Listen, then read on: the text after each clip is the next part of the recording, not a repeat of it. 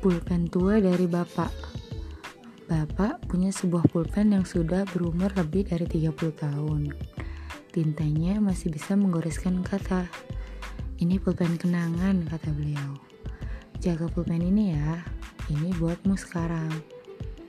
Aku langsung berpikir, Bapak sedang menitipkan pesan untuk meneruskan cita-citanya. Entah yang sudah berjalan, ataupun yang belum terwujud. Mungkin itu memang bukan hanya sebuah pulpen. Itu pulpen Bapak. Ide cerita yang terus keluar ini uh, hari ini nggak dari motor. Jadi ini saat uh, aku work from home. Jadi udah mulai kerja di rumah dan sudah mulai banyak aktivitas di rumah. Jadi ide ini muncul saat aku ada di rumah. Terima kasih.